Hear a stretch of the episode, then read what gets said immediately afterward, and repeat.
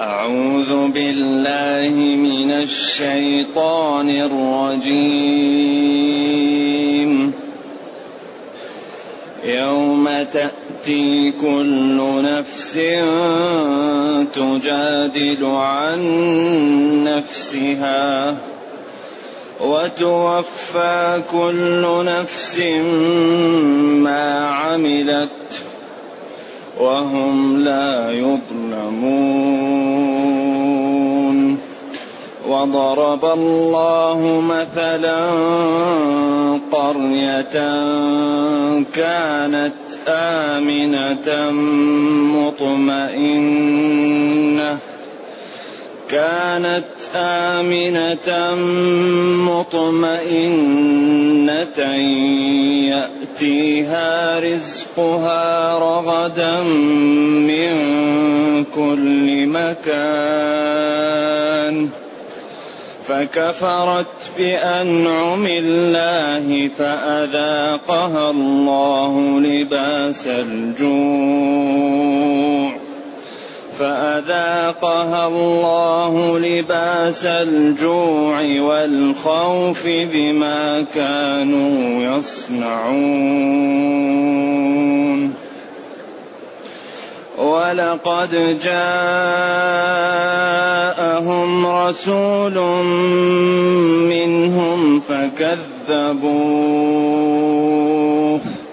فأخذهم العذاب وهم ظالمون.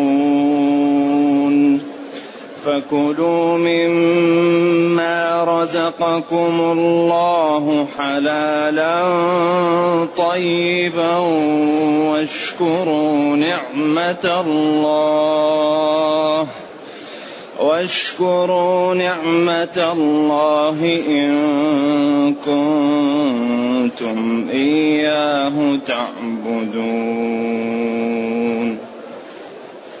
الحمد لله الذي أنزل إلينا أشمل الكتاب وأرسل إلينا أفضل الرسل وجعلنا خير أمة أخرجت للناس.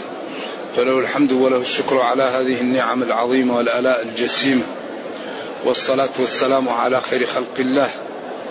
وعلى آله وأصحابه ومن اهتدى بهداه. أما بعد فإن الله تعالى يقول يوم تأتي كل نفس تجادل عن نفسها وتوفى كل نفس ما عملت وهم لا يظلمون. يوم تأتي للعلماء في متعلقها قولان القول آخر كلمة من الآية التي قبلها وهي إن ربك من بعدها لغفور رحيم يوم تأتي. يرحم الناس في يوم القيامة حين تأتي كل نفس تجادل عن نفسها. وهذا الذي أومأ إليه كبير المفسرين ابن جرير الطبري. ومنهم من قال يقدر اذكر اذكر يوم تأتي كل نفس ويكون الكلام مستأنف. والقرآن حمال ذو وجوه. أيوة. يوما. اذكر أو الله رحيم يوم تأتي كل نفس كل المجموع جميع الخلق كل نفس. تجادل عما لا عن نفسها عن ذاتها. يوم القيامة جميع الخلق كل واحد يجادل عن نفسه. نفسي نفسي نفسي. لا صديق لا ولد لا حميم لا عشيرة لا رصيد. كل واحد كل واحد نفسي. الرسل نفسي نفسي. الأنبياء الصالحين. إذا اذكر. و يوم تأتي كل نفس تجادل عن نفسها. تجادل أي تأتي بحجتها. و والله ربنا ما كنا مشركين. اليوم يقول هؤلاء الذين أغوينا. يقول أولئك يقول ما كانوا إيانا يعبدون. كل واحد يحاول يجادل عن نفسه ويأتي بالحجج وبالأدلة لكن وقت لا ينفع فيه. يوم تأتي كل نفس مجموع الناس كل نفس تجادل عن ذاتها عن نفسها عن ذاتها. والمجادلة مأخوذة من الجدل وهو أن الإنسان يفتل الكلام كما يفتل الحبال. ويأتي بالكلام قويا حتى يصرع صاحبه بالحجة. ولذلك المجادلة آه، آه، لا تضر إذا كانت المقصود منها الوصول إلى إلى الحق. أما المراء فلا يصلح. أنا ضامن بيتا في في ربض الجنة لمن ترك المراء وهو محق. أما الجدال فهو مطلوب وجادلهم بالتي هي أحسن. ولا تجادلوا أهل الكتاب. نعم. ولذلك ينتزع في الجدال مع أهل الكتاب ومع الكفار ينتزع أماكن الاتفاق ليؤلفهم لهذا الدين. يقول وقولوا آمنا بالذي أنزل إلينا وأنزل إليكم وإلهنا وإلهكم واحد ونحن له مسلمون. ينتزع أماكن الاتفاق ويدعوهم إليها لأن هذا مدعاه للتأليف. ويقول في حق الكفار قل لا تسألون عما أجرمنا. عمل المسلمين سماه إجرام. من باب التنزل وإعطائهم الحجة. ولا, ولا, ولا نسأل عما تعملون. كفرهم سماه عمل. هذا ليتعلم المسلم الحجة والأدلة والبراهين التي بها يوصل المعلومة لمن يريد أن يقنعه بطريق لا تجعله ينفر قبل أن تصل الحجة إلى فهمه وإلى عقله. إذا أذكر أو الله يرحمه يوم تأتي كل نفس تجادل عن نفسها. كل نفس تخاصم وتجادل وتأتي عن نفسها. والحال أنهم لا يظلمون. لا يظلم أي إنسان. إن الله لا يظلم الناس شيئا ولكن الناس أنفسهم يظلمون. من كان يريد العاجلة عجلنا له فيها ما نشاء لمن نريد. هذا الذي يريد العاجلة. ومن كان يريد الآخرة إيش؟ وسعى لها سعيها. وهو مؤمن فأولئك كان سعيهم مشكورا. كلا نمد هؤلاء وهؤلاء من عطاء ربه المتقون نمدهم والمجرمون نمدهم في الدنيا. وما كان عطاء ربك محظورا. يده سحاء يعطي للجميع. ولكن انظر كيف فضلنا بعضهم على بعض. هذا غني هذا فقير هذا عالم هذا جاهل هذا قوي هذا ضعيف هذا عاقل هذا معتوه.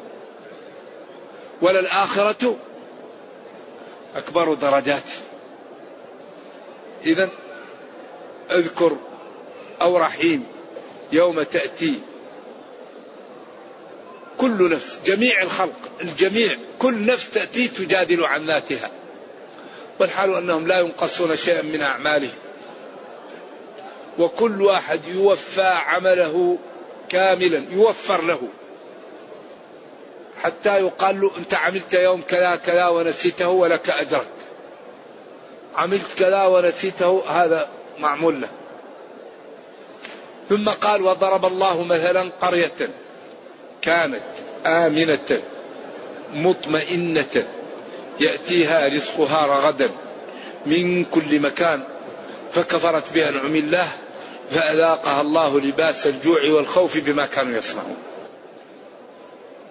للعلماء في هذه القرية قولان. قول اختاره المحققون كابن كثير وابن جرير وقالوا القرية هي مكة. القول الثاني أنها القرية من القرى التي كانت قبل مكة وضرب لها مثل بأهل مكة. وقد ذكرها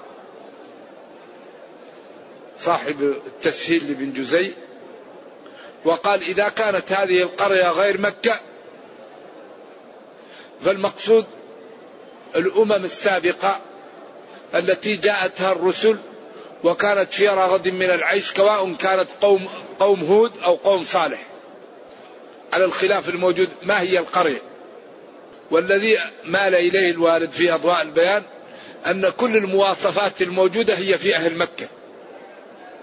سواء كان مضروب مثل بأهل مكة أو ما حصل لتلك القرية حصل لأهل مكة فاستدل على أن كل المذكورات هي واقعة لأهل مكة.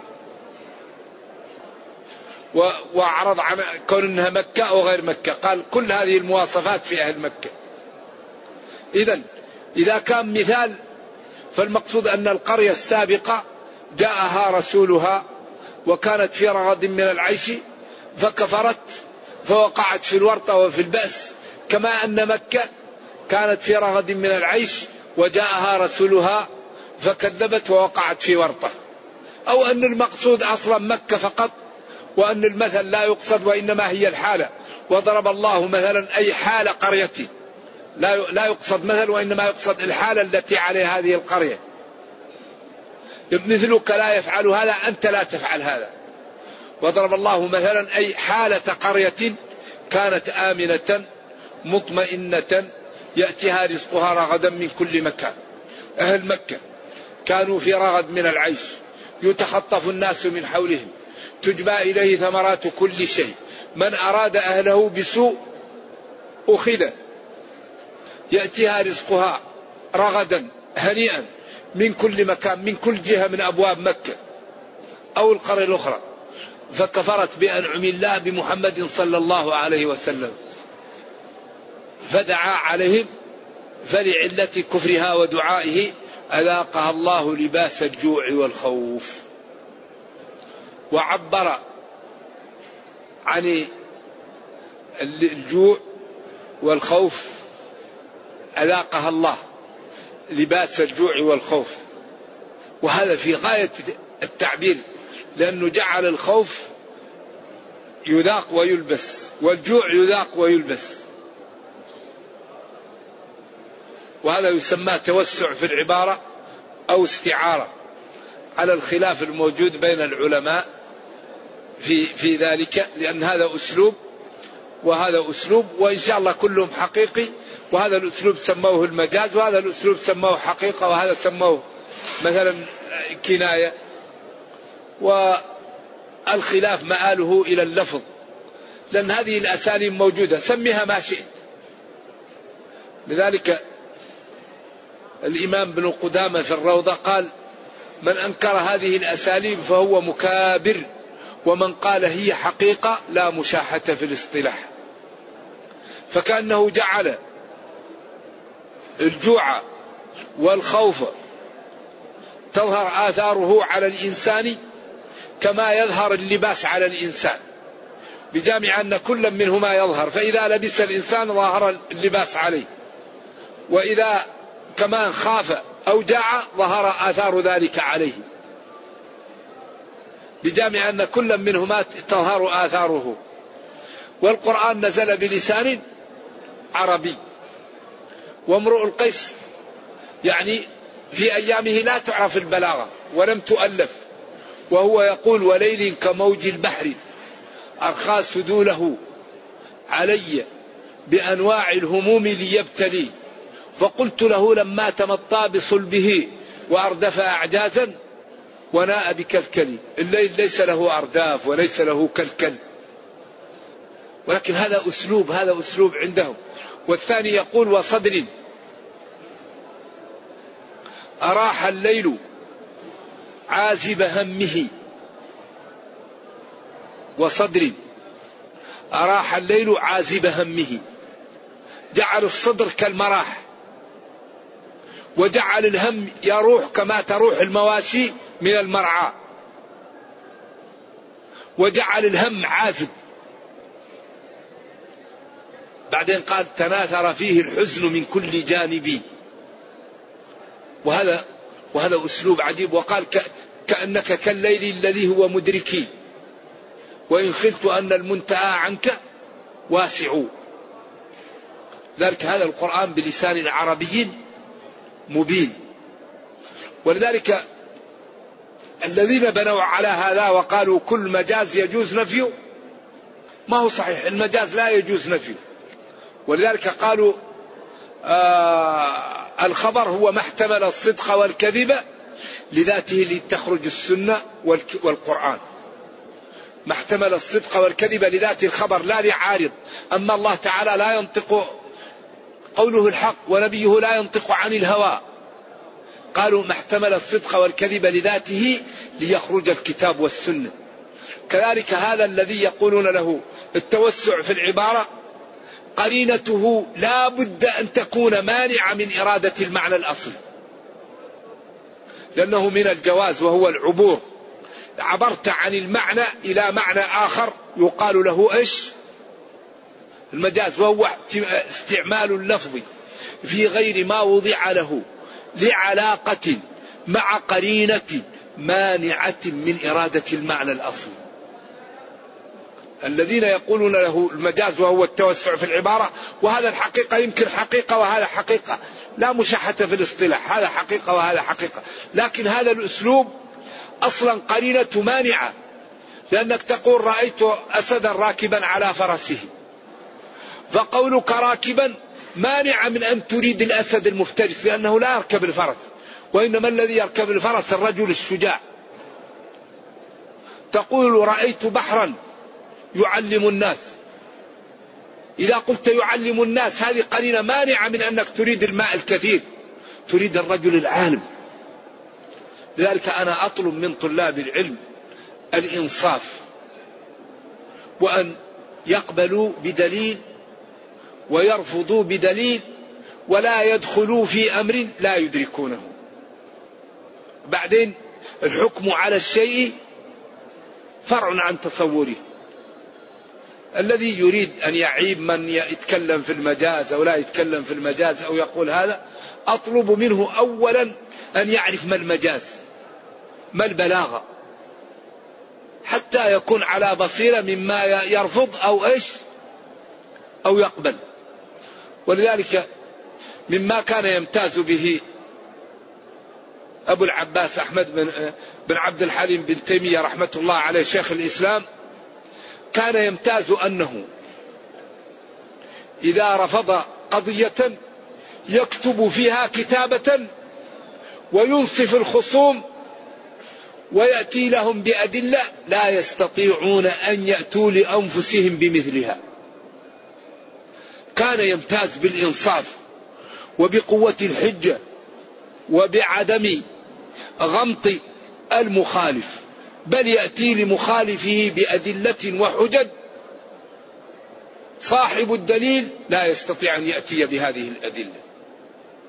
وذلك واضح في كتابه الذي يسميه الرد على المنطقيين وهو كتاب مطبوع وفي رسالته القيمة التي رد فيها على الأشاعرة وعلى الماتريدية وهي الرسالة التدمرية وهي مطبوعة بين أيدينا. وفي الرسالة التي كتبها في التوسل والوسيلة وأن المقصود به الدعاء لأنه قال للصحابي الذي جاءه إن شئت صبرت وإن شئت دعوت. ولذهاب عمر للعباس عام الرمادة. وقال اللهم إنا كنا نتوسل بنبيك فتسقنا وهذا عم نبيك ادعو يا عباس.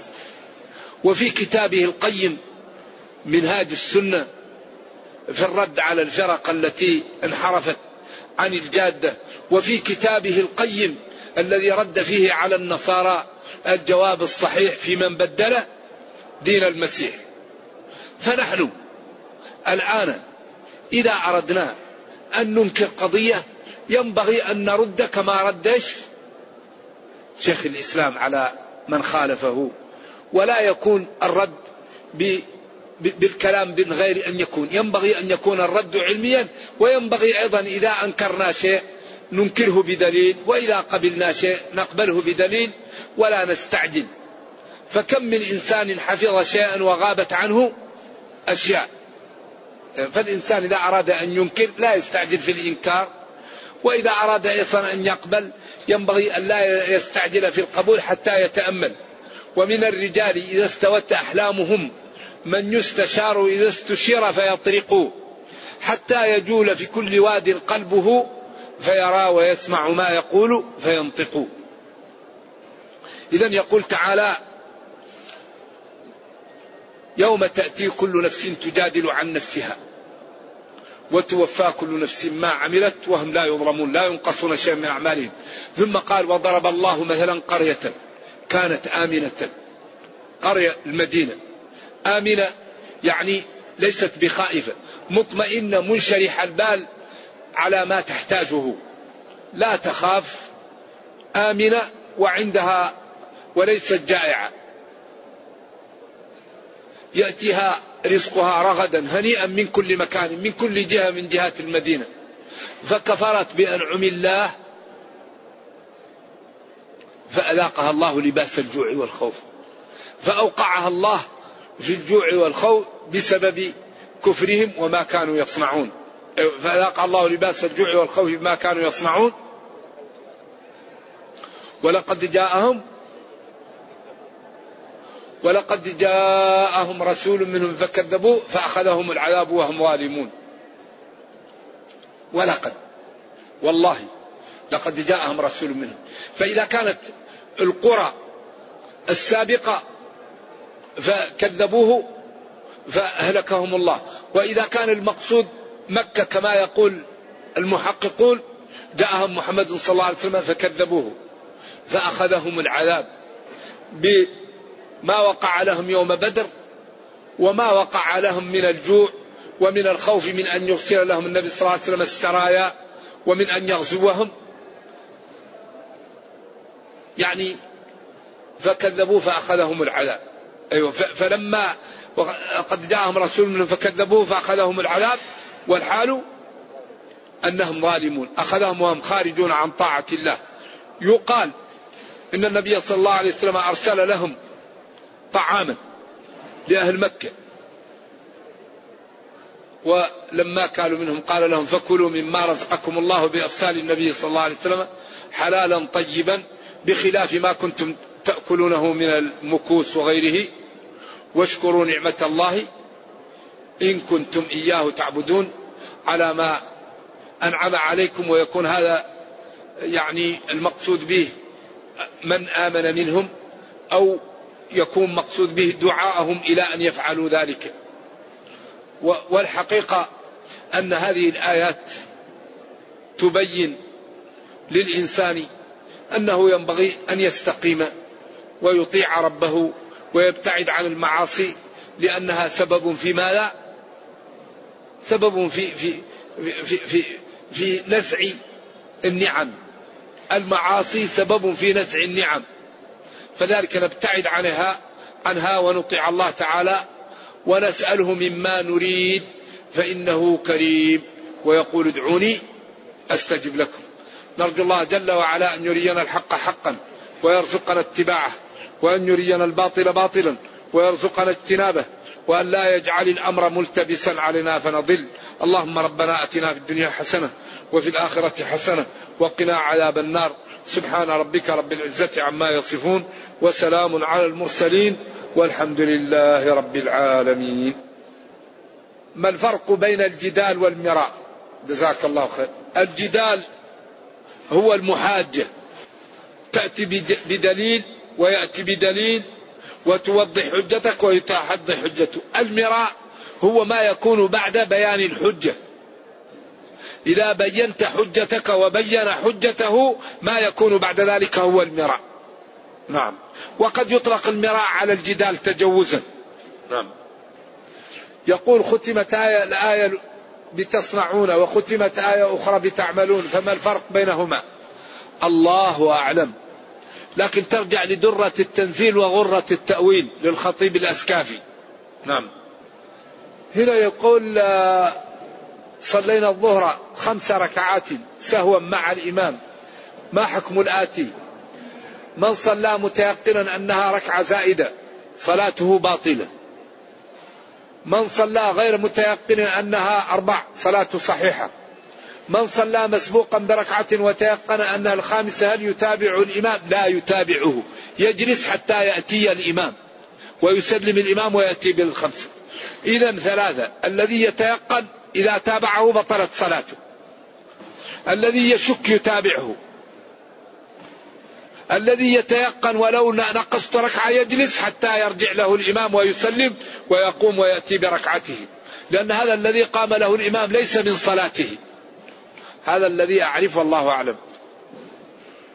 ما حكم التبرع بأحدى الكليتين وما حكم التبرع بجميع الأعضاء أو بعضها بعد الموت؟ الله أعلم ما أعرف. إذا دخلت المسجد والناس يصلون وهم ساجدون أكبر وأدخل في الصلاة أو أنتظر حتى يقوم. تدخل مع الإمام في الحالة التي وجدته فيها. ساجد راكع قائم. ما الكفر بنعمة الله؟ هل المعاصي منها وكذلك البعد عن طاعة الله؟ نعم. من أكبر أسباب الكفر بنعم الله النظر إلى الحرام وقول الحرام وسماع الحرام. لأن الله تعالى قال وجعل لكم السمع والأبصار والأفئدة لعلكم تشكرون. أعطاك موارد العلم لتشكر الله. ما هو لتنظر إلى الحرام؟ أو لتتكلم بالحرام؟ أو لتفكر في الحرام؟ كلمة المجاز هذا اللفظ. هل من استعمال السلف وإذا لم يكن لما لا نستعمله؟ طيب لما لا نستعمل النحو؟ ونستعمل أصول الفقه والفقه والبلاغة. هذه العلوم كلها جاءت ومصطلح الحديث. هذه العلوم كانت مركوزة في جبلة الناس أول. أول من ألفه في الكتب أصول الفقه. محمد بن شافعي المطلبي وغيره كان له سليقة مثل الذي للعرب من خليقة. البلاغة في جبلتهم النحو الصرف الأصول. هذا لأنه هذا نزل بلغتين. فهذه الأمور يفهمونها من لغتين. بعدين لما فسدت الألسن واختلط المسلمون بالعجم ألفت الكتب وألف النحو ودون هذا حتى لا تضيع اللغة. فهذا أسلوب وهذا أسلوب وهذا أسلوب. ولذلك العلماء اختلفوا. ابن جني قال كل الكلام مجاز. ما في حقيقة. وبعض العلماء قالوا كل الكلام حقيقة. وبعضهم قال من الكلام حقيقة ومن الكلام مجاز. إذا العلماء في المجاز ثلاثة أقوال. قول أن كل الكلام مجاز. وقول أن كل الكلام حقيقة. وقول أن الكلام فيه حقيقة ومجاز. إذا من الناس من ينفي الحقيقة. يقول كل كلام فيه مجاز. تقول رأيت زيدا. ما رأيت زيدا كله. رأيت بعضه. ولذلك الإمام أحمد لما قال إني معكما أسمع وأرى. قال ونحن أقرب إليه من حبل الوريد. الإمام أحمد قال نحن مجاز لأن الله تعالى واحد. يعني في تجوز في العبارة لأن الله تعالى عظم نفسه وقال نحن. هذا كلام من؟ هذا كلام الإمام أحمد كلام إمام أهل السنة والجماعة ارجعوا لكلامي. لذلك ينبغي من يقبل يقبل بدليل ومن يرفض يرفض بدليل ولا نستعجل. أول شيء نرجع لكلام العلماء ولأقوالهم. نعم. لكن هذه حقيقة وهذه حقيقة. هذه الحقيقة قد يسميها مجاز. وهذه الحقيقة يسميها مثلا آه يسميها لا. كناية. وهذه الحقيقة تسمى حقيقة. إذا الكلام ثلاثة أنواع. وكل هذه الحقيقة سموها حقيقة. وهذه الحقيقة سموها مجاز. وهذه الحقيقة سموها كناية. وكل حقائق. إذا هذه الأمور ينبغي أن أن الإنسان قبل أن ينكر ويدخل في الأمر يعرف ما هي. نعم. لباس الجوع والخوف. هل نستطيع أن نقول إن القرآن فيه مجاز؟ لأن كلام العرب فيه المجاز وفيه الحقيقة والقرآن نزل بلغتهم. أما إخبار الله عن نفسه ليس فيه مجاز. هذه الأمور يا إخوتي مبينة في محلها. لذلك الوالد ألف رسالة اسمها منع جواز المجاز في المنزل للتعبد والإعجاز. قال لا يجوز أن نقول في القرآن مجاز. وبنى ذلك على نقطتين. النقطة الأولى ما كل ما يجوز في اللغة يجوز في القرآن.